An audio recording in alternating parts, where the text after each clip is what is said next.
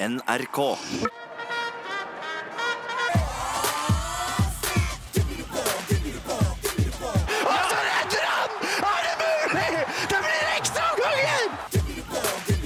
Timeout.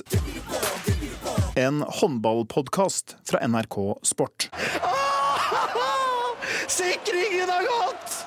Alt er tomt! NRK Sport. Ja, hallo i luken og nok en jovial start på podkasten. Det er ingenting som litt trompetmusikk til å sette oss i eh, godt gammeldags håndballprathumør. Hyggelig at nettopp du hører på, det setter jeg veldig pris på. I dag, folkens, i dag så skal det handle om ekstreme ferdigheter. Eh, både på og utenfor banen, eh, egentlig. Og skal man holde følge med dagens gjest, så har vi rett og slett ingen tid å miste. Så jeg tror vi bare må spurte i vei. Time out, time out. Time out, time out, time out. I might have to put you on time out. Dagens gjest har knust fysiske rekorder på både landslaget og klubblaget, og har selv uttalt at hun er en maskin. Hun har 120 landskaper for Norge, hun har skåret 402 mål, men hun er bare 28 år, så det er fortsatt mange år igjen til å pynte på den statistikken. Hun har spilt i både Norge, Danmark og Ungarn. Starten var i fotballbyen Mjøndalen, men hun begynte ikke å spille håndball før hun var 13 år, og det var mest fordi hun ikke fikk lov til å spille fotball med gutta lenger. Hun blir beskrevet som relativt guttegæren, men husmoregenskapene er relativt fraværende. Hun ringer fortsatt sine nærmeste for hjelp til å bl.a. koke poteter. Hun elsker countrymusikk, hun hater å tape, og hvis ikke kjøreferdighetene har blitt bedre, så burde hun ikke hatt lappen. Og som alltid, hvis du googler dagens gjest, så er dette alternativene du får opp. Spenst, håndball, mor, tatovering, Rask og Mats Hansen. Det siste der skal bli litt spennende å høre om. Jeg skal hedre dagens gjest med et lite dikt, for i håndballverden så er hun ganske godt likt. Hun kan kanskje oppfattes litt på kanten, men jeg gleder meg uansett til vi skal bli bedre kjent med Veronica Christiansen. Veronica Christiansen, velkommen! Jo, tusen takk for det. Hva syns du om denne introen? Å, herregud. Jeg satt med hjertet litt opp i halsen her nå. Ja, For du begynte å grue deg til hva som kom, eller? Ja, litt. Og så lo jeg litt når jeg hørte noen forskjellige ting der. Du, eh, jeg, Er det noe du følte manglet i denne introduksjonen? Noe jeg på en måte ikke har touchet innom? Nei, jeg syns egentlig du traff ganske bra, altså. Ja, jeg. jeg avslutta jo med et aldri så lite dikt som en hyllest til deg. Eh, har du noe peiling på hvorfor jeg gjorde det, eller? Oh my god. Eh, kanskje litt. Ja. Eh, da jeg spilte nede i Vipers Kristiansand, så var det en periode der hvor jeg skrev et ja, hva skal jeg si, erotisk dikt før hver eh, hjemmekamp. Ja, ja altså ja, ja, på kanten dikt har jeg på en måte fått Men erotiske dikt før hver hjemmekamp? Ja, det ble liksom bare til at det var, ble en sånn liten tradisjon og ja, noe man eh, måtte ha frem i garderoben før, eh, før hjemmekampen. Ja, så for Målet med disse podkastene er jo litt at folk skal bli kjent med dere på en litt annen måte. Her har vi jo hoppa rett i det, føler jeg. Eh, har du, Hva slags erotisk eh, Jeg er nesten redd for å spørre, men eh, du, har du noe eksempel på det et dikt, eller? Nei, vet du hva, det har jeg faktisk ikke. Men jeg skal ærlig si at jeg har lært av noen. Ok, Eh, så jeg har ikke lært det opp eh, selv. Du er ikke selvlært på erotiske dikt, det er på en måte bra, kanskje? Eh, Det, det vil jeg påstå, i hvert fall. Men det ble altså en tradisjon i Vipers-garderoben? ja, det gjorde det. Ja, På hvilket tidspunkt var det du begynte å Altså, Hvor lenge før kamp var det du måtte lese dette, disse diktene? Det var vel egentlig sånn eh, når vi hadde ja, kledd på oss, og så treneren skulle komme inn og snakke og sånt. eh, Og så rett før vi skulle ut på banen og varme opp, egentlig. Så slo jeg til med et lite dikt. Ja, eh, På kanten har jeg eh, fått høre fra noen av dine nærmeste. Hvor på kanten var disse dikta her? Noen av de kunne være rimelig drøye. Det kunne de. Eh, og når jeg, faktisk, når jeg slutta der òg, så skulle de ha sånn eh, julefest eller julebord eller sommerfest eller noe sånt. Og da var jo alle samla, og da var jo ikke jeg til stede og kunne holde et dikt. Så da skrev de til meg, eller ringte meg, og så skrev jeg et dikt til dem og sendte ned. Så de kunne fremføre på festen deres. Så den tradisjonen har på en måte blitt ført videre selv når du ikke er i Vipers. Det er deilig. Ja, den, Det er stopp på den nå, altså. Det er det. Men uh, Veronica, jeg skjønner også at du uh, um, Du hjalp til tider venninner med å skrive dikt til deres kjærester også? Ja, det gjorde jeg. Altså, det har ikke bare vært drøye dikt. Det har det ikke. Jeg har også hjulpet med, hjulpet med smådikt i barnedåper, bursdager, litt sånn. Uh, men det har vært veldig enkle dikt. Ja. Eh, det må jeg si. Ja. Men hvis eh, en venninne på en måte var på, på dateren med en ny fyr, da steppa Veronica inn og hjalp litt med tekstinga og, og litt med dikta? Ja, litt innimellom, kan man si. du er eh, rett og slett en litt på kanten matchmaker? ja, det kan hende noen kaller meg det. Jeg holder meg litt på dikt, for jeg skjønner også at du skriver dikt til kjærestene dine. Altså Nå har du bare én kjæreste nå, da, med de kjærestene du har hatt. Ja, her har vi fått info, vet du, Veronica. Herregud. Uh, ja, jeg gjorde det, holdt jeg på å si. Jeg har også kanskje gjort det litt nå med Jeppe. ja, din danske, din danske, kjæreste. Har du et eksempel på et dikt? Vi må jo høre et dikt. Du må jo ha et eller annet i nærheten på, på telefon. ja, jeg fant frem et dikt her som jeg skrev til uh, Jeppe da han mista sin bestemor. Uh, det går da på engelsk, da. Ja, men Det er fint. Da får vi urpremiere på internasjonal standard av diktlesning. Så da er det bare å eh, senke dere ned i sofaen, folkens. Og så sier vi bare Veronica Christiansen, vær så god. Okay. Your grandmother was in everyone's eyes the best. I know this is hurting right in the chest. But believe me when I say she don't want you to let your day turn grey. I, I know she is proud of who you are. I know you wear, wear her little golden star. So stay brave, my darling, and listen to your heart. Now she can get to heaven with a brand new start. You will see her again, but not quite yet. You have a long life ahead of you, baby, don't forget. I will be here to support you all day long, and I pray that your family will always keep holding strong. In the end, please remember, I love you, and so does she. In your heart, she will always be. Du, det syns jeg Nå ble jeg litt rørt, jeg. Ja, men jeg tuller ikke, faktisk. Jeg satt og begynte å tenke på min egen bestemor, jeg. Jeg begynte litt å riste her selv, jeg nå. Ja. Du, det, det syns jeg var eh, Det finnes ikke en mer perfekt måte å, å avslutte på en måte diktdelen av denne podkasten på. Takk for at du delte, Veronica. Jo, bare hyggelig. Da skal vi eh, bevege oss litt eh, videre ved å kanskje gå litt mer inn på håndball. Det tipper jeg du er glad for også. Ja.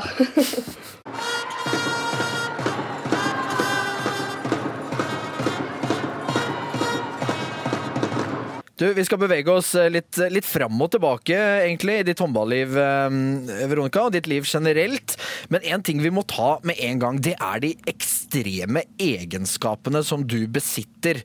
Eh, det ble hevdet for noen år tilbake at bare Norges beste sprinter Sinok Barebo eh, var raskere enn deg på 40 meter. Altså, du, du, løp rett og slett så raskt at de som tok testene på Olympiatoppen, de trodde ikke helt på resultatet.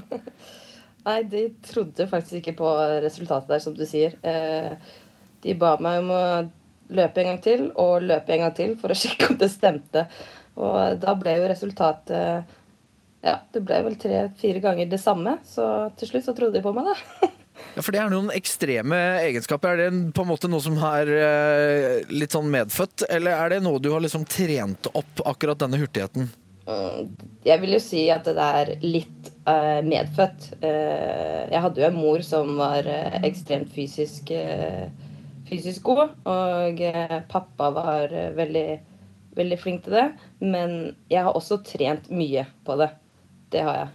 Hvordan, eh, hvordan, gjør man det? Hvordan eh, trener man på eh, å forbedre hurtigheten sin? Det er sikkert mange unge også som sitter ute og, og, og har fått med seg dette her og lurer på hva, hva kan de gjøre? Ja, nå har jo jeg fått et opplegg fra Benjamin Jensen fra Olympiatoppen som har fungert helt optimalt for akkurat meg da, som spiller. Eh, og der er det litt forskjellig. Altså mye tung, tung styrke, eh, og rett etter tung styrke så er det noen sprinter eller hopp. Og det, er egentlig, det har egentlig vært den røde tråden gjennom treningsopplegget mitt. Du, her, får, her får du bare korrigere meg, Veronica, men 5.02 eh, er tiden jeg har notert meg på 40 meter, stemmer det? Ja, det stemmer. 5.02? Er, du, er du happy med den tiden, eller? Eh, ja, absolutt. Men vi hadde jo vi hadde jo en liten snakk om at jeg skulle eh, nå komme under, eh, under fem, da. I tillegg til dette, Veronica, så skal Olympiatoppen ha kalt deg for fysisk perfekt etter du gjorde disse testene. Det er vel noe som gjør ganske godt for selvtilliten, eller? Ja, fysisk perfekt.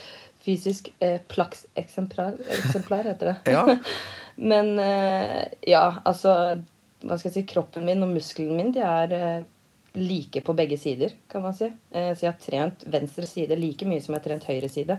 Selv om jeg er høyrehendt på håndballbanen og finter mest venstre-høyre-finte, så er det liksom Jeg har også trent høyre, høyrebeinet mitt til motsatt vei, på en måte. Så Ja, for nå som vi er inne på skrytetoget, så, så var du jo inne på det litt sjøl her. Eh, disse testene viste jo at du er helt symmetrisk, altså like sterk på begge sider. Og at skuddet ditt måles til det som vi kan kalle godt over normal fartsgrense og tett opp mot maks fartsgrense i Norge. Ja. ja jeg, jeg, det er mange som skyter hardere enn meg, det er det nok. Men eh, ja, eh, totalt sett så er jeg eh, fysisk, eh, fysisk bra.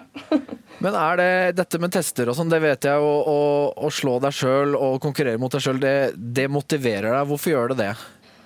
Det er egentlig bare for å eh, bli litt bedre på alle smådetaljene. Jeg hadde jo også en liten konkurranse med eh, lillesøsteren min Jeanette eh, en periode, hvor hun plutselig skulle legge ut en video hvor hun hopper høyere enn meg på en kasse. Ja, det var ikke innafor. Nei, det var ikke det, vet du. Nei. Og det måtte måtte jeg liksom prøve å slå henne òg. Men det klarer jeg jo ikke helt. Men testene, det viser noe annet. Der hopper jeg høyere enn henne. Ja, så når det gjøres tester uh, uten eh, mobilkamera i nærheten, da, da vinner du. Da vinner jeg. Da vinner du. Men denne ekstreme farten, uh, rekker du å bruke den på en liten håndballbane? Hvordan uh, forvalter du den? Ta oss litt gjennom hvordan du på en måte tenker, og, og hvordan du får brukt den. Jo, jeg skal ærlig si også at jeg har et lite problem med det. Fordi musklene mine er så eksplosive at jeg er sinnssykt god til å spurte 2-3 40-metere. Og så blir musklene mine kanskje litt slitne. Ok. Eh, det samme er med finter. Jeg kan ta tre-fire ekstremt gode finter, og så blir musklene mine litt slitne. Ok, Eh, og det er jo også noe jeg har jobbet med da, eh, videre for å gjøre det oftere og kunne klare å gjøre de spurtene, de fintene, oftere. Så hvis vi ser deg starte en håndballkamp i et mesterskap, eller en generelt håndballkamp, så og du blir bytta ut etter ti minutter, eh, så er det rett og slett fordi det må til. Du må ha den lille hvilen på, på musklene. Ja, det, det er det rett og slett. Eh, fordi musklene mine er, som jeg også har lært opp igjennom, at de er så ekstreme at, eh, ja, at de, trenger litt hvile innimellom. Hvordan er dialogen med Torir og, og andre trenere på, på akkurat det, da? Eh, Det som er at akkurat nå, i den perioden jeg er i nå, eh, så har det blitt mye bedre. Eh, Jeg klarer å gjøre finte ok, kan man si sju-åtte ganger da, før han blir sliten. Eh, Jeg kan ta den spurten 40 meter fem-seks ganger. da. Eh, Så det har liksom blitt bedre hele tiden. Eh, hvordan jobber du med å Ja, hvordan jobber du med det? Det gjør man på håndballtrening. Det gjør man i styrkerommet. Og ikke det samme styrkeopplegget hele tiden. Eh, I håndball så føler jeg det er mye utholdenhet, styrke. Eh, mens før så trente jeg veldig mye sånn tre til fire repetisjoner og to til tre sett eh, i styrkerommet f.eks. Mens nå så er det eh, periodevis så er det kanskje åtte til tolv repetisjoner med fire sett. Eh, og det har jeg planta mer og mer inn i programmet mitt, og da yter jeg også oftere mer og mer.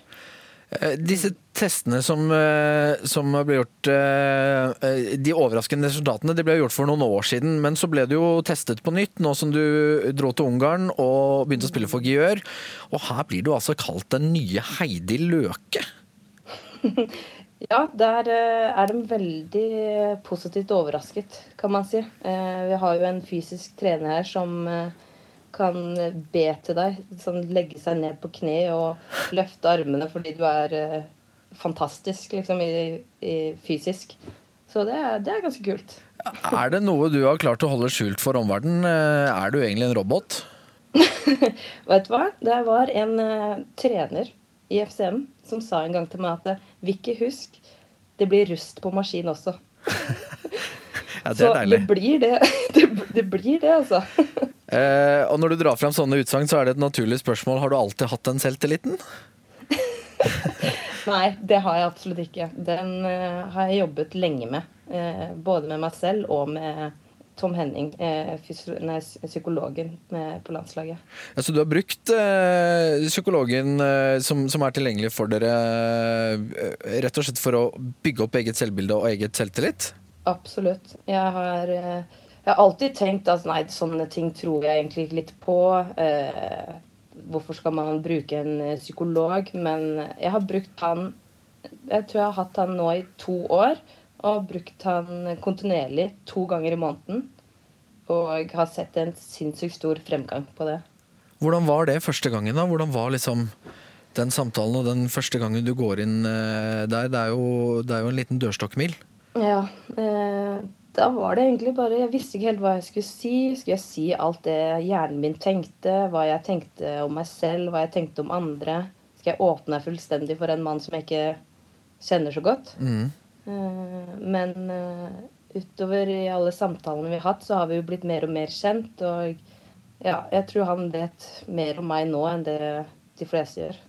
Og så har jeg jo lagt merke til, eh, når denne selvtilliten har kommet, eh, så syns jeg at jeg har bitt meg merke i Kanskje det siste året, eller om det var etter du kom til Gjør, men plutselig så har jeg hørt deg si, eller lest i pressen, om at du skal bli verdens beste håndballspiller. Og det har kommet litt nå eh, i det siste. Ja, det har jeg aldri turt å si høyt før. Det er bare noe jeg tenkte, og kanskje noe familien min tenkte litt om meg. Men eh, nå tør jeg å si det høyt, og jeg tør å stå for det òg. Ja, hvordan, hvordan kom du fram til den? På, eller altså, eh, hva gjorde du for å tørre å si dette ut? Nei, det har jo vært med han psykologen min, da. Eh, som jeg har sagt eh, Jeg sa jo selvfølgelig ikke til han fra start av at eh, hvilken type håndballspiller og hvor god jeg hadde lyst til å bli. Eh, det turte jeg ikke å si høyt til han engang. Eh, men så etter hvert så utfordra han meg i forskjellige ting, både som spiller og som person, som ga meg mer og mer selvtillit eh, i forskjellige situasjoner. Så ja, da har jeg fått såpass selv selvtillit at jeg tør å si det høyt. For nå skal Veronica Christiansen bli verdens beste håndballspiller. Ja, det skal hun. Er det deilig å si det høyt? Veldig deilig. Altså Første gang jeg sa det høyt det, da, Jeg vet ikke altså jeg, Ubeskrivelig følelse jeg fikk i kroppen når jeg sa det høyt for første gang. Hvem var det du sa det høyt for første gangen, da? Du vet hva, jeg tror faktisk jeg aldri Det, tror jeg faktisk var Jeppe Balsøy Ebbesen, kjæresten min. Ja. Han har også alltid vært sånn pusha på meg og tørre og ha litt høyere selvtillit og liksom sånn. Men så har jeg alltid tenkt Men alle rundt meg, de heser meg opp og sier hvor god jeg er, hvor flink jeg er, og da er det jo Må jeg kanskje bruke meg selv til å holde meg litt nede. Mm. Eh, for at jeg ikke skal plutselig fly på en rosa sky og bli en stor diva. Og gå rundt der og tro jeg er noe som jeg ikke er. Eh, Men så endte det med at eh, ja, jeg eh, skal tørre å si det her høyt og, og stå for det. Og ja, jeg skal bli verdens beste håndballspiller. Kult. Det er du på god vei til eh, å bli også, Veronica. Vi skal eh, bevege oss eh, litt videre, så skal vi eh, forhåpentligvis bli enda bedre kjent med deg og de menneskene rundt deg. Skal vi se om de kaller deg diva, eller hva de kaller deg. Eh, Vi hopper videre til eh, neste tema. Time out, time out.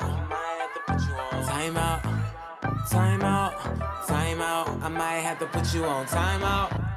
Veronica Kristiansen, som eh, er med i denne podkasten i dag. eh, Du har jo blitt en eh, del av den o store juletradisjonen for mange i Norge, nemlig håndballjentene og medaljesanking hvert eneste mesterskap og hver eneste jul omtrent. Samtidig så har det vært en lang og tøff vei dit, som du også flere ganger har valgt å være åpen om. For allerede når du var ni år gammel, så endret livet ditt og familien din seg eh, veldig drastisk. Hva skjedde da? Eh, ja, da skjedde det at eh, mamma fikk eh, brystkreft eh, og døde av det. Eh, vi måtte flytte fra Egersund til Mjøndalen sammen med pappa. Ja, det var en tung tid.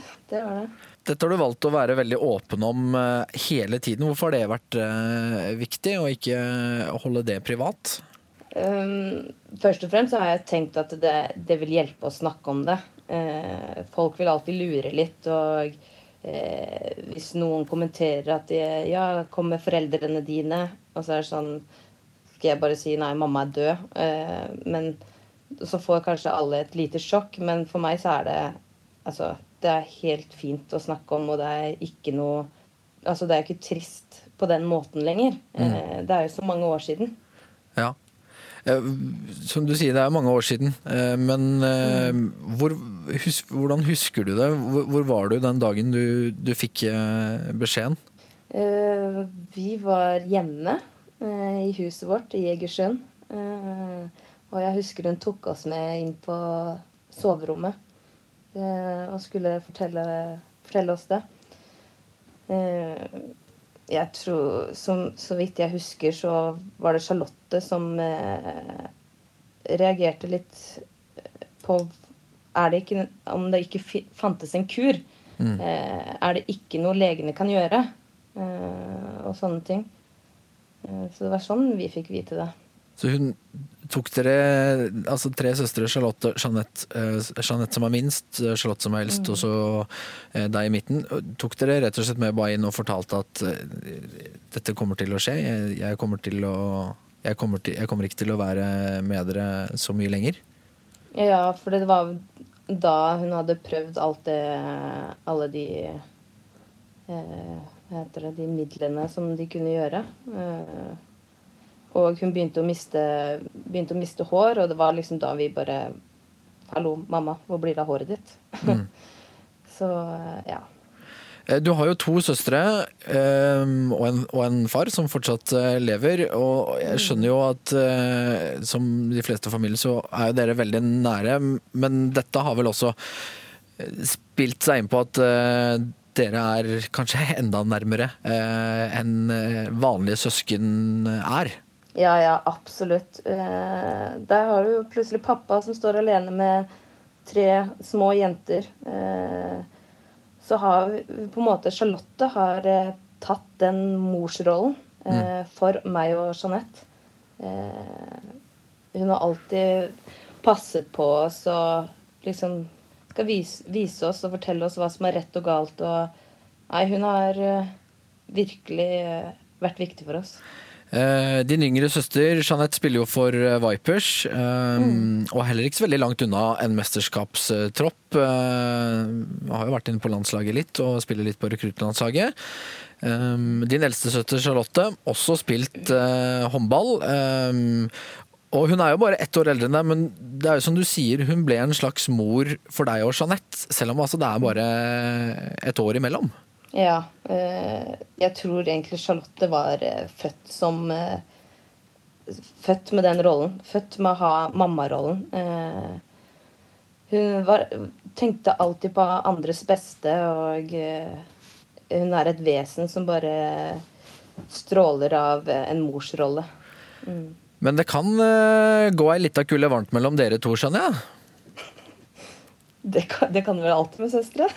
Ja, men eh, her er det jo til det ekstreme et par ganger. Dere har, slå, dere har til og med slåss litt? ja, det har vi nok. Litt, ja. Ja, jeg skjønner at du har blitt fika til? Ja, hun eh, klappa til meg ordentlig en gang. Eh, hvor øredo øredobben føyk ned trappa. Ja. Eh, men det skal det sies at jeg også kasta noe etter henne. Noen terninger. Ja. Så hun, og som hun fikk nesten rett i munnen. Så den ene tanna hennes røyk av. Halve, da, ikke hele. ja. Søskenkjærlighet der, altså. Det er stor søskenkjærlighet i familien vår, altså. Det Men, det. men jeg vil gjerne gå litt tilbake til den uh, fikehistorien. For det, det var vel i Kristiansand mens dere bodde sammen der. Ja, det var det. Uh, vil du beskrive deg som relativt guttegæren, eh, Veronica? Jeg, jeg skal ærlig si at jeg hadde, hadde min periode. Det kan man si.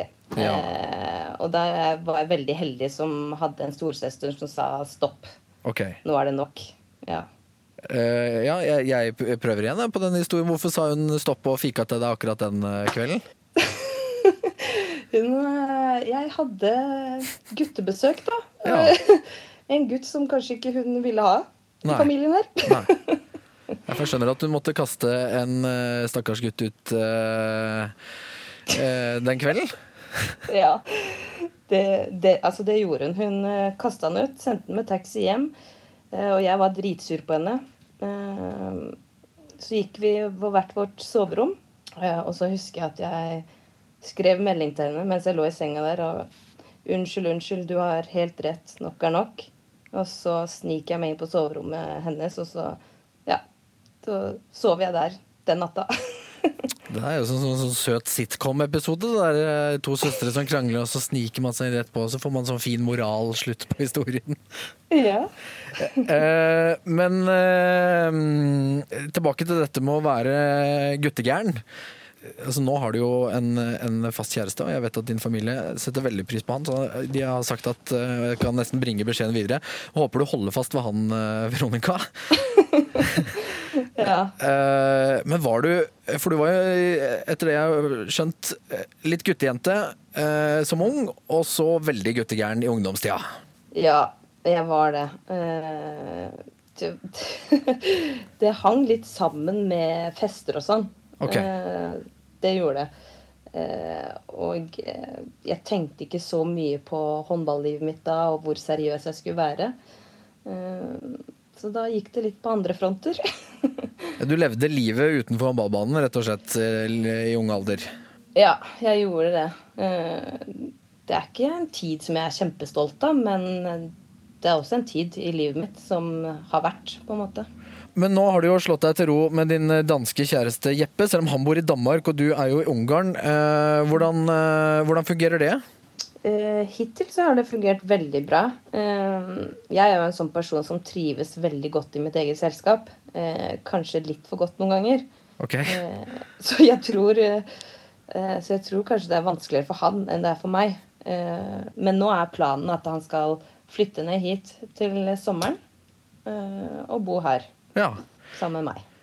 Jeg har jo fått litt info fra mine informanter, Veronica, altså dine nærmeste. Um, og da har jeg fått et spørsmål jeg skal spørre. Hvem er mannen i forholdet? Vet du hva? Det, det tror jeg faktisk er meg. Ja, Det det, må jeg si. det tror jeg de også mente. Ja, det, det tror jeg nesten kanskje Jeppe også mener. Men hvordan da? Hvordan er du mannen i forholdet? Jeg er vel litt streng, og jeg vil ha mi, mine ting på min måte. Eh, Jeg er ikke helt den sukkersøte jenta som vil ha kjærlighet og oppmerksomhet eh, hele tiden eh, fra kjæresten. Eh, Din søster Charlotte og du har jo veldig eh, tett forhold. Og jeg skjønner også at det er hun du ringer til eh, for å stort sett få hjelp om alt. Eh, kan du koke poteter nå, eller? Nei! ja, så enten så blir de harde, eller så blir de smuldra helt opp. Jeg syns det er vanskelig. Ja. Det skal jeg ærlig si. Så det har endt med at eh, hvis jeg skal koke poteter, så skal jeg lage potetmos. Da lager du potetmos. Ja, du, du, du, tar den. du har gitt opp, rett og slett. Jeg har det. Eh, men eh, jeg skjønner at i starten så måtte du ha hjelp også til å koke vann. Hva? Nei, nå overdriver de, tror jeg. Ja, ok. Eller, Ja, det, håp, ikke, men det håpa jeg nesten at de gjorde. Du, Vi skal eh, bevege oss eh, videre fra familie, og så skal du få lov til å være med og teste mm, Du skal få lov til å være med eh, og teste en ny spalte som ingen andre har vært borti ennå. Er du klar for den, eller? Oi, ja, spennende. Ja, da kjører vi i gang en jingle også. Den har ikke jeg hørt engang, så dette blir spennende. Ja. Enten eller. Enten eller eller. Ja. Enten eller. Ja, enten eller. Er ikke den fin, da? Enten eller. Enten eller. Det er rett og slett en splitter ny spalte, eh, og det er altså enten eller. Du må velge hus eller kjeller. Altså ikke den, eh, men du skal altså velge et av eh, alternativene. Jeg bare fylte opp med rim, som, som jeg vet du er glad i. Eh, er du klar? Ja. Spille håndball med klister. Eh, Eller spille håndball uten sko. Du må altså en Håndball med klister. Ja, så da Ja, spille håndball med klister, så det vil si at du velger å spille uten sko. Ja. Ja. Hvordan tror du det hadde fungert? Vet du hva, Det tror jeg hadde fungert veldig bra for meg. Fordi jeg er veldig glad i sko som eh, er liksom litt sånn tynne, som du har kontakt. Og jeg har litt problemer med at jeg må føle at jeg har sko på. Ja. Men hvis jeg ikke har sko på, så trenger jeg jo ikke tenke på det. Så her begynte vi relativt enkelt. Ja, Eh, Da skal vi ta en litt verre nøtt. Eh, Høre Camilla Herrem synge Tore Tang hver dag, eller aldri høre musikk igjen?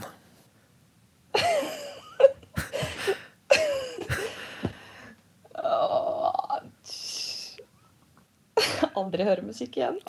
aldri høre musikk igjen? Du orker Altså- ikke ei lita dash Herrem hver dag, altså?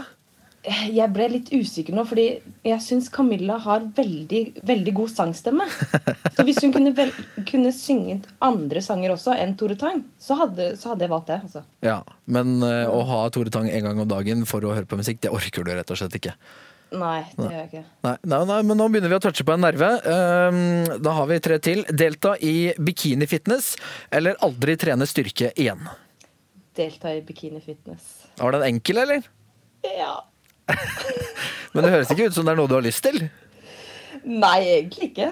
Nei. Det er det ikke. Men uh, ja, jeg ville valgt det. Nå er det jo veldig mange som, vi- hvis de går den veien, så må de jo trene hardt. Du har jo, nå har vi jo allerede snakket om eh, at de, altså dine muskler Du har kanskje ikke så lang vei å gå, da. Så det, det er bare å ønske lykke til. Det er vel et NM der i eh, om ikke så altfor lenge. Kanskje vi får se Veronica Christiansen der. Du, eh, danse cha-cha-cha med Torir, eller gi ut egen poplåt? Eh, hvis jeg slipper å danse på den poplåten, så vil jeg valgt det, tror jeg. Ja. Jeg er ikke så god i cha-cha-cha. Men du er ganske god på tekstskriving, så den hadde jo, du kan, kan skrive din egen låt. Ja, ikke sant? Eh, hva, hva skal, vi, skal vi gi en tittel på Veronica Christiansens eh, debutsingel? Ja, hva skulle det vært, da? Ja, jeg vet ikke. Strong. Ja, Strong Power. Strong power. Ja. Vi gleder oss uh, til uh, både NM i bikinifitness og at uh, poplåta haha, Strong Power slippes i løpet av sommeren. Det blir en sommerhit. Og til slutt, Veronica, tilbake litt med håndball. Spille for gøy resten av karrieren, eller avslutte karrieren i Vipers eller Mjøndalen? Der ville jeg avsluttet selvfølgelig karrieren min i eh, Vipers eller Mjøndalen, tror jeg. Du kunne tenke deg å komme hjem igjen? Ja. Det er eh, bra. Jeg syns du klarte det. Hva syns du om vår nye spalte? Jeg syns den var kul. Ja. Da skal vi se om ikke vi klarer å sette enda flere på limpinnene etter hvert.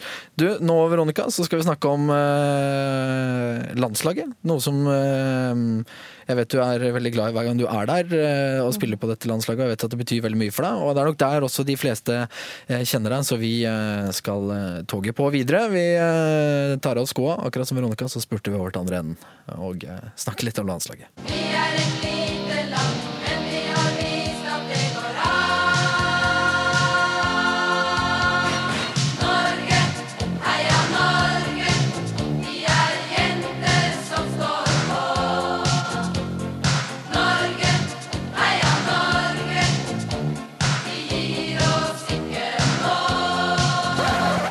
men vi gir oss eh, med den låta der. Eh, Jeg har spurt alle hittil, Veronica, Ternekast på bronselåta fra gamle dager. Å ja, det var den som spiltes nå? Det var den som spiltes nå, ja. Norge, heia Norge. Ja, jeg syns den er veldig hyggelig og søt. Altså en ternekast eh, fem, da. Ja, Er det din type musikk? Nei. Nei da, for det skal Det vi komme litt si. tilbake til etterpå, hva som er din type musikk. eh. Men eh, jeg tenkte vi kunne snakke litt om landslaget, mm, Veronica. Eh, Ja. Du debuterte altså i 2013 mot Danmark. Da skåret du fire mål, og Norge vant hele 40-24. Eh, Hvordan var det å komme inn på landslaget og spille med flagget på brystet eh, og være en del av håndballjentene for første gang? Altså, det var sinnssykt kult. Eh, og jeg kan huske når vi skulle ha oppmøte der eh, på et hotell. Og når jeg kommer inn på det hotellet, så er det Heidi Løke og Anja Hammerseng Edin som møter meg. Og så sier Anja til meg bare Sinnssykt kult at du endelig kommer hit. Nå skal vi løpe, løpe, løpe. Ja, det er jo en av, og det er på en måte en av heltene på en måte, som ikke bare sier det, men også vet hvem du er. Ja, det var sinnssykt kult. Det var ja, litt av en opplevelse, det.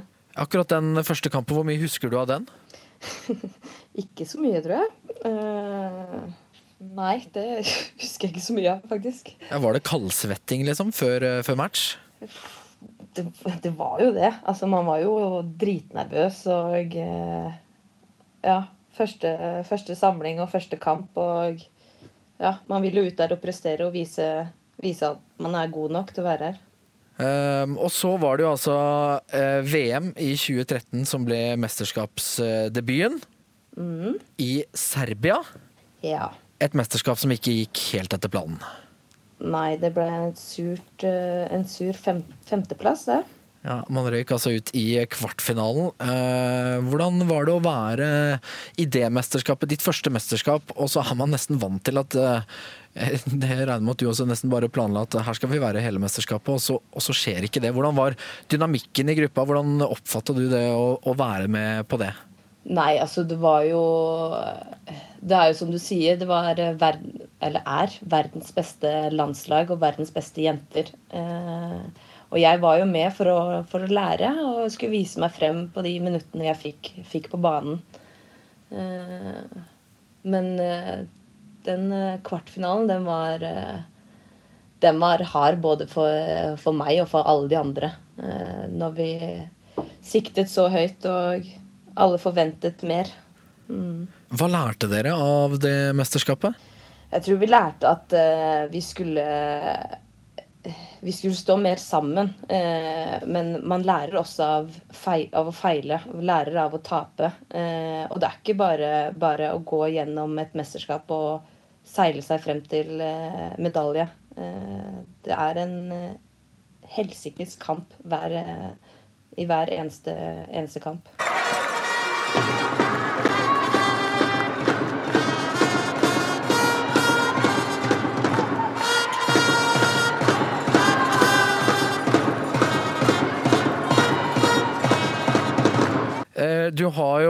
I ettertid eh, skaffet deg en god del medaljer og bedre mesterskap. Du har EM-gull i 2014 og 2016. Du har VM-gull i 2015 i tillegg til OL-bronse i Rio. Eh, Hvem av disse er det som på en måte du husker best, eller som, eh, som sitter nærmest hjerterota? Jeg vil si det første VM-gullet og egentlig den OL-bronsen. VM-gullet var vel det første gangen jeg var på en måte i første sekseren og var en viktig bidragsyter. Eh, så den setter jeg ganske høyt. Altså OL-bronsen i Rio. Hvordan var det å være med i et OL, og ikke bare et OL, men i selveste Rio, som jeg kanskje regner med at dere ikke så noen ting av omtrent? Nei, eh, for å være helt ærlig så hadde jeg jo kjempestore og høye forventninger av eh, en OL-by. Jeg hadde jo hørt om alle de som hadde vært i London-OL, og hvordan byen var, og hvordan maten var, og alt sånn. Eh, men så er jo Brasil og Rio det er jo ikke det rikeste landet, så det var jo ikke veldig gode fasiliteter. Og maten var ikke superbra og litt sånt. Men eh, selve opplevelsen der sammen med jentene, og hvor du er så tett på mange idrettsutøvere fra forskjellige grener, det var, eh, det var kult. Eh, ja, for det, dere bor jo i en sånn deltakerlandsby. Hvem var på en måte den kuleste idrettsutøveren du møtte der nede? Eller så? Nå skal du høre her, fordi jeg og Sanna Solberg vi gikk fra matsalen og skulle gå til rommet vårt. Uh, og på veien dit så kommer det en sånn gutt ut og sier Hei, eh, dere må komme hit, vi har Usain Bolt her. Vi bare ja, særlig. Så han bare Jeg er venn med Usain Bolt, jeg er det. Tro på meg, liksom. Og vi bare nei, hallo. Og så går vi rundt et sånt gjerde, og så ser vi sånn fem-seks etasjer opp. Så står Usain Bolt der øverst i baris med alle medaljene sine rundt halsen. Vi bare OK! Ja. Ja. Hvorfor det, holdt jeg på å si? Nei, jeg tipper han Usain Bolt er en sånn eh, fyr som eh, tar det han kan få. Som går på fire, fire bein, holdt jeg på å si. To bein. Ja, ok. Eh, så det var helt sikkert det de skulle ha oss til, men eh, ja, vi fikk et, kanskje et lite bilde eh, av han som sto der oppe, og så gikk vi tilbake. Men du ble på mange måter sjekket opp av Usain Bolt, da, men kanskje ikke av Usain Bolt, men av entourage til Usain Bolt? Ja. jeg tror jeg sa han ble det.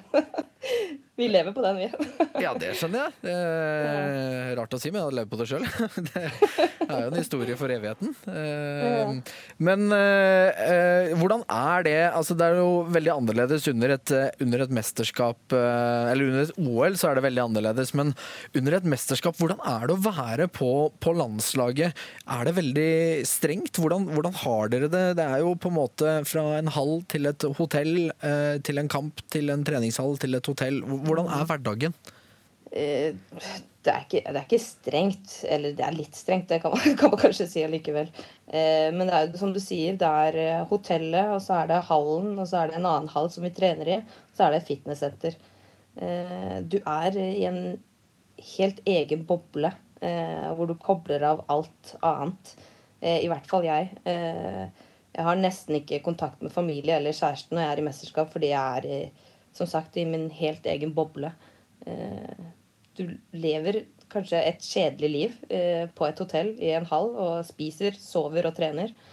Eh, men det er, det er viktig for å kunne prestere.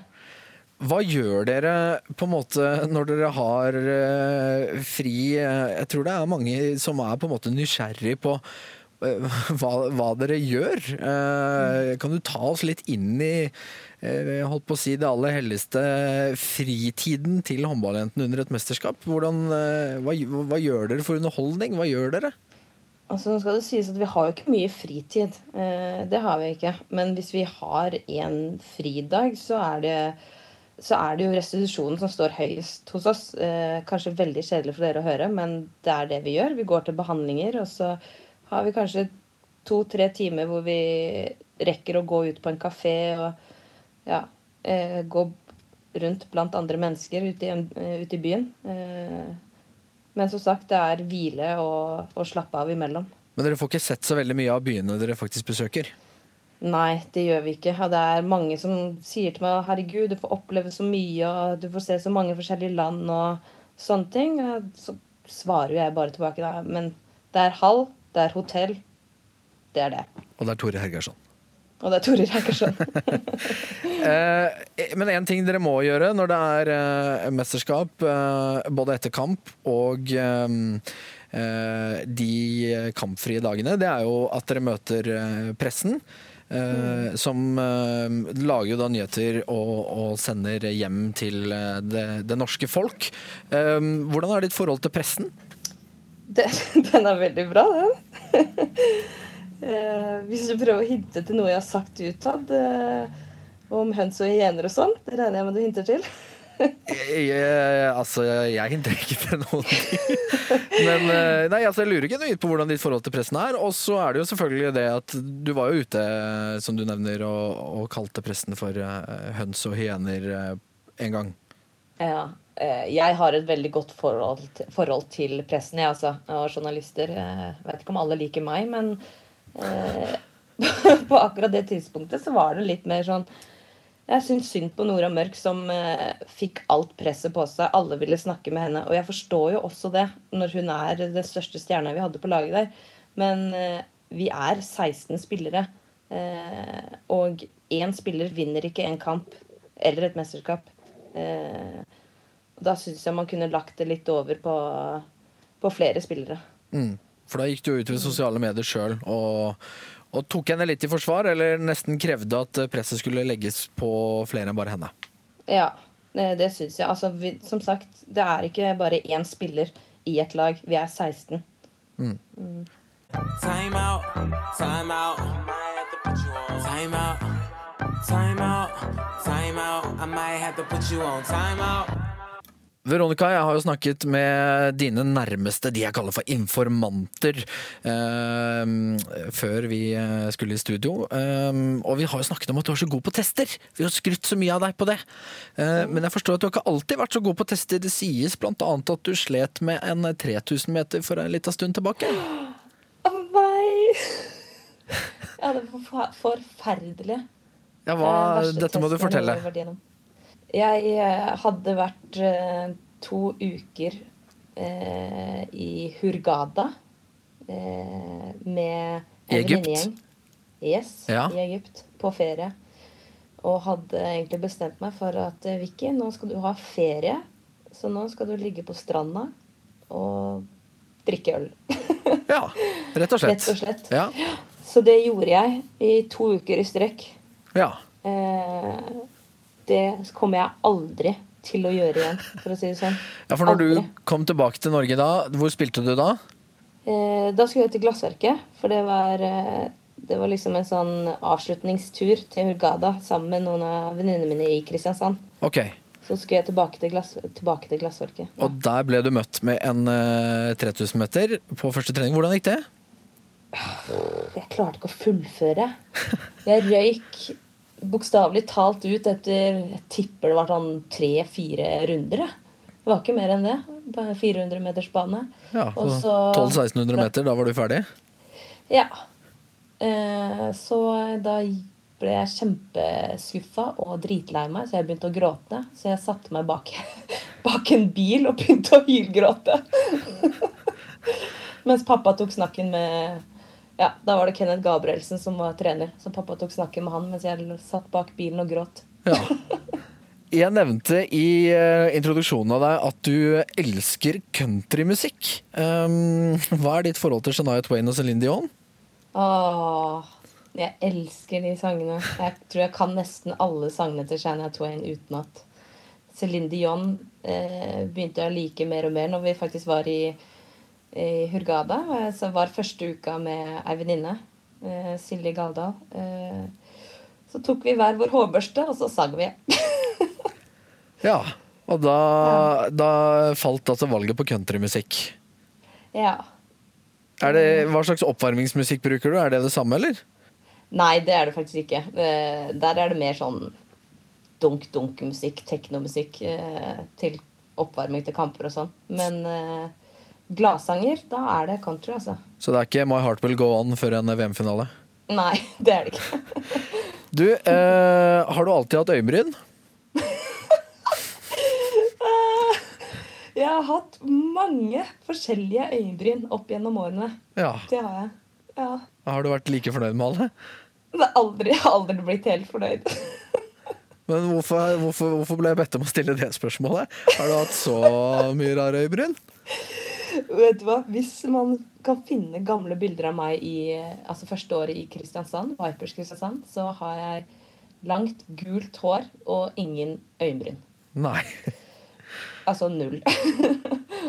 Eh, Men du har jo vært, eh, ikke bare med øyebryn, så har du jo vært litt eh, frisyreskifter opp igjennom. Oh, Det er klart du, du er jo i ferd med å, å, å ta opp arven etter sånn som Håvard Tveten holdt på på herrelandslaget. Eh, trengte du å bli grå når du var 26? Det var inn, da. Det var mote. Ja. Og jeg tenkte kald farge, det passer ansiktet mitt. ja. Eh, Det gjør det jo for så vidt, men det ødela jo håret totalt, da. Er det en spesiell eh, frisyre som du uh, ser tilbake på og tenker uh, nei, nei, nei, nei, det skulle jeg ikke gjort. Er det den grå, eller er det noe annet?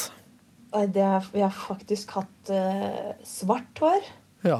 Og eh, jeg har hatt litt sånn lilla skjær ja. hår. Men da var jeg veldig liten, da. Men svart, det var i tenårene, ja.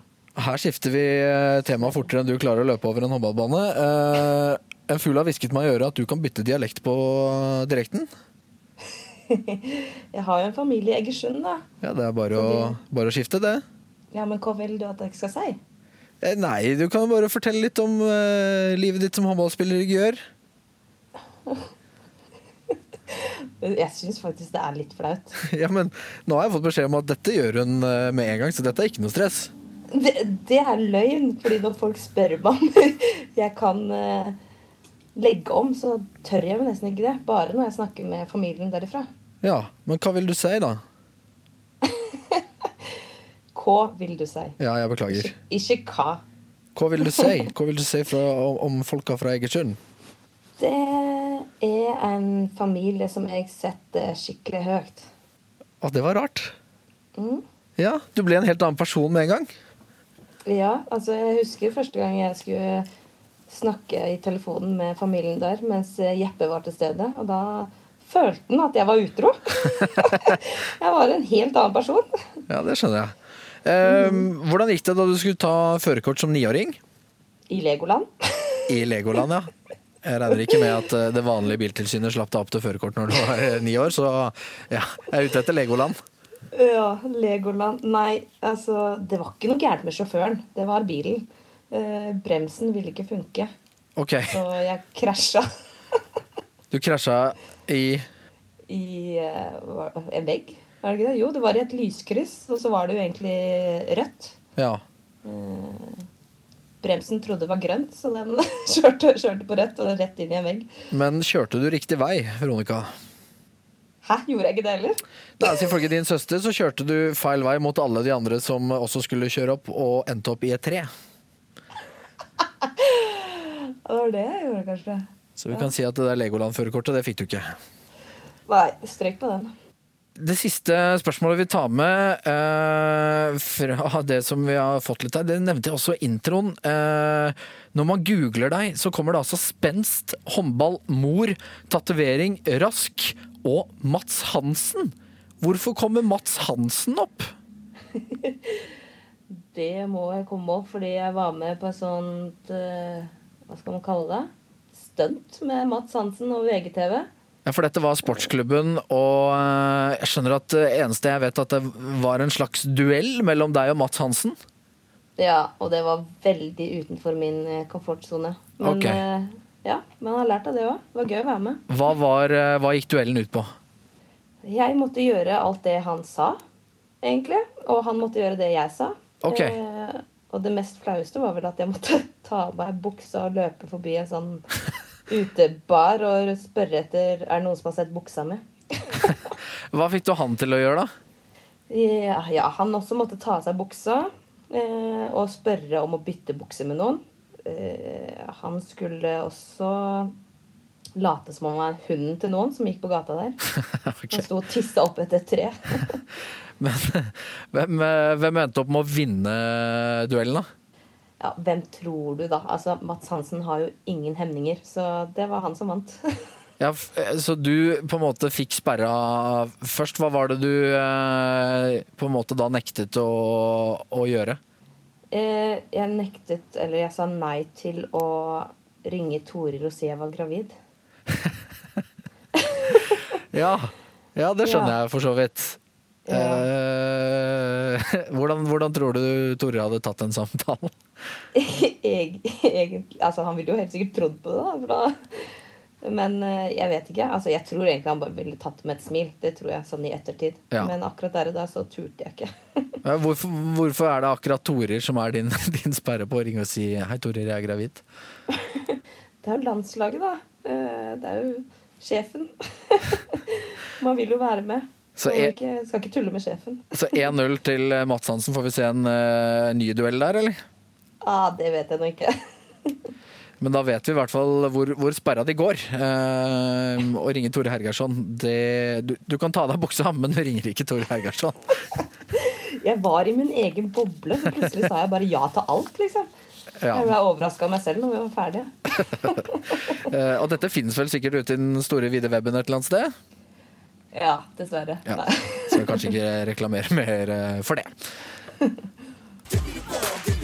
Timeout. Du, Er du klar for litt uh, spørsmål uh, fra fansen, eller fra de som har uh, valgt å skrive inn? Og vi la ut et bilde av deg på Instagram, så folket kunne komme med noen spørsmål. Skal vi ta det, eller? Ja, absolutt. Um, vi kan ta den første. Den kom fra en som heter Elisabeth Sæter. Hei, Elisabeth. Hei, Elisabeth. Eh, hva står på tatoveringen din? Eh, der står det 'The strength of the mind beats the strength of the body every time'. Ja. Hvorfor, eh, hvorfor akkurat det budskapet? Nettopp fordi at jeg har lært i de siste årene at eh, hjernen eh, den er sterkere enn alt annet på kroppen din. Bra svar.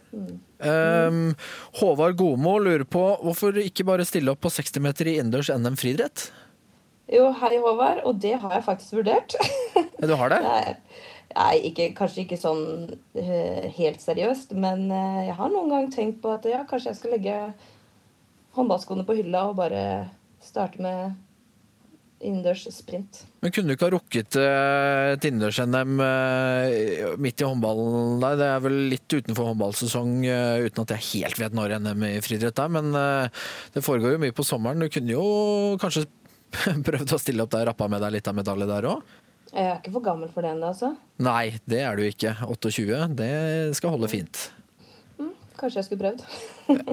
Så er det en som heter Mikke Krohn, som lurer på hvilken sport hadde du drevet med hvis ikke du drev med håndball? Hei, Mikke, og det er veldig lett å svare på. Da hadde jeg faktisk drevet med crossfit. Med crossfit, ja. Jeg trodde du skulle skrive Jeg trodde du skulle si fotball, for uh, du holdt vel på med fotball helt til du, uh, helt til du måtte slutte fordi du ikke fikk lov til å spille med gutta lenger? Uh, ja, men eh, jeg, jeg, jeg tror ikke jeg er så god i fotball, og det tror jeg ganske mange av eh, mine ville sagt også. Ok. Men crossfit, eh, hvorfor crossfit? Jeg følger med på crossfit, og eh, jeg har noen ganger hatt noen eh, crossfit-treninger. Jeg syns det er dritkult, og jeg har faktisk lyst til å starte med det når jeg er ferdig med håndballen. Ja. Når ser du for deg det her? Det er litt vanskelig å si, men eh, altså Jeg vet ikke. Kanskje det er ikke noe problem å starte med crossfit når du er 34-35. da. Nå Har du sett for deg liksom at eh, det har, har du sett for deg noen mål med crossfiten også? Ja, da, ja, egentlig. Det har jeg. Men jeg tør ikke å sikte så høyt helt enda. Jeg må jo inn i miljøet der litt først. Og ja, jeg har ikke prøvd det helt ordentlig på kroppen min enda. Nei. Eh, vi kan hoppe videre til neste spørsmål. Det er fra en som heter Emilie Nautnes. Um, hun lurer på hvorfor er det så mange av dere landslagsspillere som har mørke øyebryn? Jo, Emilie, det skal jeg fortelle deg. Det er eh, fordi vi farger dem, og vi vil gjerne at eh, ansiktet skal se ut som noe. Hva skal man kalle det? som sagt, jeg hadde ikke øyenbryn da jeg var yngre, så derfor er jeg mørke nå. Ja, jeg tror eh, Det er et bra spørsmål, Emilie, men jeg tror eh, Veronica var helt feil person å spørre eh, om øyebryn. det, og vi lar det være siste spørsmål nå, for nå skal vi ha fast spalte. Vi skal ha Min håndballfamilie, og da må vi sette oss eh, i eh, stemning. Min håndballfamilie. Da skal vi eh, bare kjøre på med litt, litt av koselig vignett.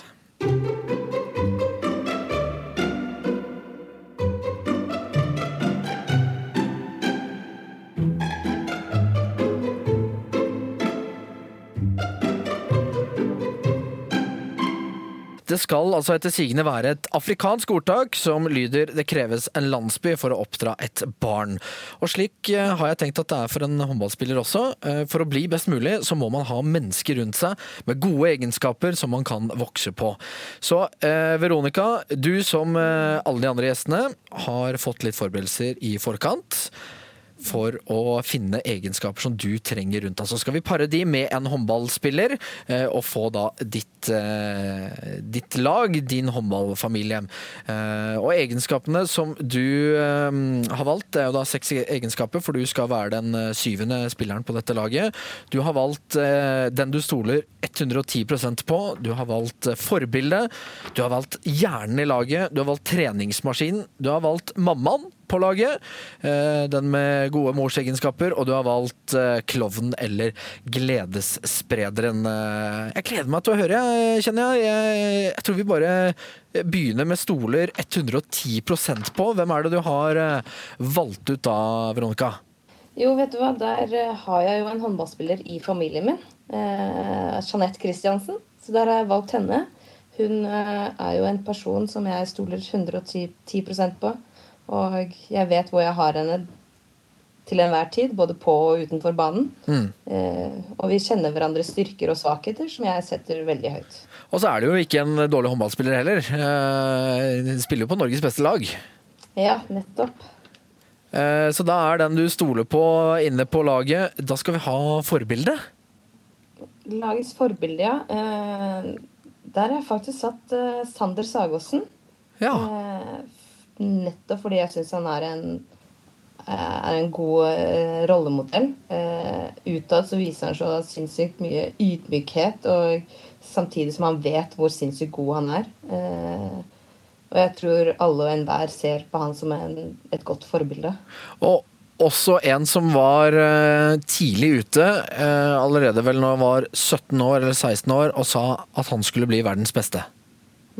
Ja, ikke sant. Der ser du hvor fort man kan eh, nå målene sine. Jeg er så imponert over eh, den overgangen han har gjort eh, til PSG.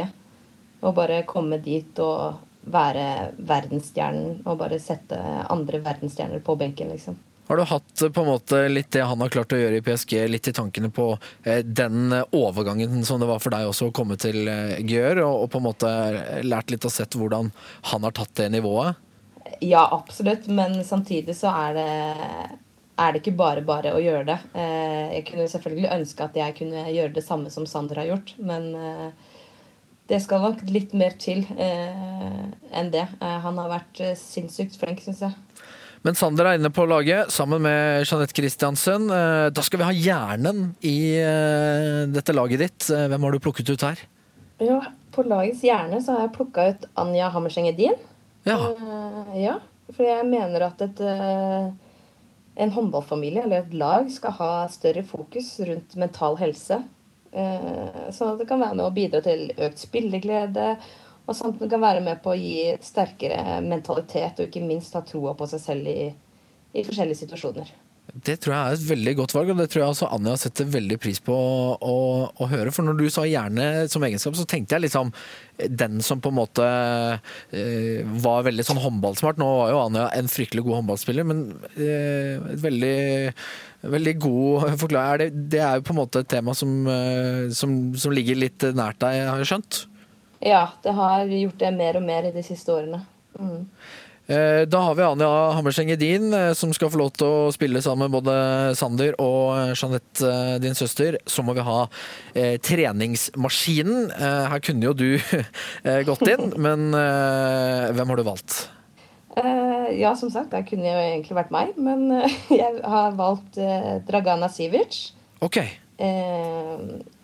Fordi hun er fysisk sterk, og hun elsker å være i styrkerommet akkurat sånn som meg. Eh, og hun spiller med hjertet utenpå drakta, som er så kult. For de som ikke vet hvem Dragana Sivic er, så må du forklare. Dragana Sivic er en eh, serbisk strekspiller eh, som nå spiller på Bucuresti. Hvordan er det å møte henne? Det er egentlig forferdelig. Så jeg vil egentlig heller ha henne på laget mitt, og det er derfor jeg har tatt henne med nå. Eh, det jo Det passer veldig fint, for da skal vi få inn en, en eh, mor eh, på dette laget. En med litt mammakvaliteter som kan roe ned Dragana på linja hvis det går for hett for seg. Hvem har vi valgt ut, da? På lagets mamma så har jeg valgt Sabine Englert. Ok. Ja, Hun er en spiller som er, eller spiller, en person som er rolig og har kontroll på alt. Eh, hun passer på alle hun er, og vil alle det beste hele tiden. Og det som er enda mer positivt, er at hun baker alltid med seg småkaker på Champions League-tur. Ja. Eh, akkurat som en mor skal. Ja. Da har vi fått moren. Eh, en eh, tysk mor, en eh, serbisk strekspiller, og så har vi litt norske inni der. Vi får se hvilken nasjonalitet klovnen får. Gledessprederen på ditt lag, hvem er det? Det er Anne Mette Hansen, som da er dansk. Ja, da får vi litt dansk dynamitt. Det er fint. Ja, hun er ei skikkelig morsom og søt jente som eh, bare sprer glede og smil hvor enn hun er, egentlig. Så ja, fantastisk jente.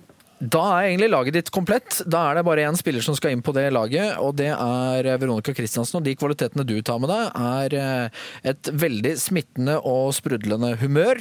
Eh, Du tar med deg noe eh, som vi aldri har sett før, et fysisk unikum. eh, Når altså Olympiatoppen eh, sier at eh, du er eh, omtrent perfekt, så eh, tror jeg vi sier at det er relativt positivt. Og så tar du med deg en ekstrem rapphet i både spillestilen din, i fintene dine, i skuddet ditt, og ikke minst i eh, farten som eh, du besitter. Så da tror jeg du eh, gjør det ganske bra på det laget, Veronica. Ja, det tror jeg òg. Det er et bra lag. Ja, Så tar du med deg selvtilliten, selvfølgelig. Ja, absolutt. Så skal du få lov til å plukke fra når som helst i håndballhistorien noen til å ha på benken som innbyttere. Hvem har du valgt ut da? På innbytterbenken så har jeg valgt uh, Anna Jakireva. Ja. Russisk uh, lille vidundere, som uh, jeg kaller henne. En fantastisk Ja. spiller. Ja. Og så har jeg valgt eh, Jovanka Radicevic. Ja, vi fortsetter litt sånn på i Øst-Europa. Ja. Og Nikola Karabatic. Selvsagt. Inn med Nikola Karabatic eh, også. Eh, hvordan tror du de tre takler eh, at ikke det er spilletid fra start? Mm, jeg tror ikke de takler det så veldig bra, men vi har en ganske ok trener som kan fikse det, tror jeg. Ja, for hvem er det som skal få lov til å få kontrollen på, på dette laget og slite med at Nikola etter to minutter sier Monsieur, monsieur, I want to play, I want to play. Det er, det er Nora Mørk. Her ja, da tror jeg vi kan få noen eh, opphetede diskusjoner på sidelinja. Jeg har tatt Nora Mørk som trener eh, fordi hun er taktisk smart, og hun gjør eh, alt hun kan for å skape resultater. Hvordan tror du hun hadde klart seg som, som trener? Tror du hun har anlegg for å kunne bli det etter håndballkarrieren? Det tror jeg faktisk. Hun kan, kan kanskje bli en streng trener, men veldig taktisk smart, som sagt. Og ja Kommer ikke utenom henne med å Hun kan jo alt om, eh, om håndball. Og så skal du vel eh, nesten få lov til å ha henne som spillende trener, for jeg regner med at du gjerne ville ha henne på banen før hun gir seg også. Ja, det var også det jeg hadde tenkt, at hun var spillende trener. Da er laget ditt eh, komplett, eh, Veronica. Da gjenstår det bare én eh, ting. Hva skal eh, laget hete? Hva skal denne fortreffelige buketten hete? Vet du hva, jeg har et lagnavn som heter Viking Warriors. Viking Warriors. Ja da, det er deilig. Og det, Yes. det svinger godt ut i Europa, tror jeg. Ja, det tror jeg òg. Du, da er eh, vi egentlig kommet eh, til veis ende, vi, eh, Veronica. Eh, vi skal bare avslutte med et lite dilemma, for du har fått et dilemma fra vår forrige gjest, som altså var Sander Sagåsen, som du plukket med deg på ditt lag. Han lurer på om du helst ville hatt hår som tenner, eller tenner som hår.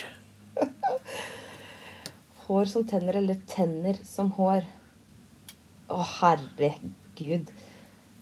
Eh, tenner som hår. Tenner som hår, hvorfor det? Ja, å ha hår i munnen hele tiden, da. Æsj. Ja, Et bedre spørsmål her kunne jo vært kunne du tenkt deg å ha eh, tenner som øyebryn eller øyebryn? Hva? Nei og da. ha øyebryn som tenner? Jeg vet, jeg vet, ikke helt hva, jeg vet ikke helt hva jeg tenkte der. Men uh, du skal få lov til å sende et uh, dilemma videre. Og våre neste gjester, uh, det er faktisk to. Det er Bent Svele og Harald Bredli. Eh, hva slags dilemma skal gutta få lov til å bryne seg på? Ja, de skal svare på dette. Alltid fise høyt i offentligheten, eller alltid rape høylytt før du hilser på folk. Da er eh, dilemmaet levert til eh, neste gjest, eh, Veronica. Vi gleder oss til å høre hva Bent og Harald eh, Det er et dilemma som eh, passer godt eh, for Bent og Harald, tror jeg. Det gleder vi oss til å, til å høre. Du, eh, vi er ved veis ende. Har du, har du kost deg? Jeg har storkost meg. Så bra, og jeg føler at vi har eh, lært litt mer om deg. Vi gleder oss til fremtidig mesterskap hvor du skal lese dikt for eh, Håndball-Norge. Eh, kanskje ikke det skjer, men har du lært litt om deg sjøl òg, eller? Det har i hvert fall kommet opp noen gamle minner. Ja, men det er sånn vi håper. Jeg håper at eh, du har kost deg. eh, og så eh, gleder vi oss bare til resten av ditt håndballiv, og til crossfit-karrieren, hvor du sikkert plukker med deg medaljer der også. Ja, kanskje det. Takk for at du var med, Veronica. Har du en spesiell måte å si ha det på?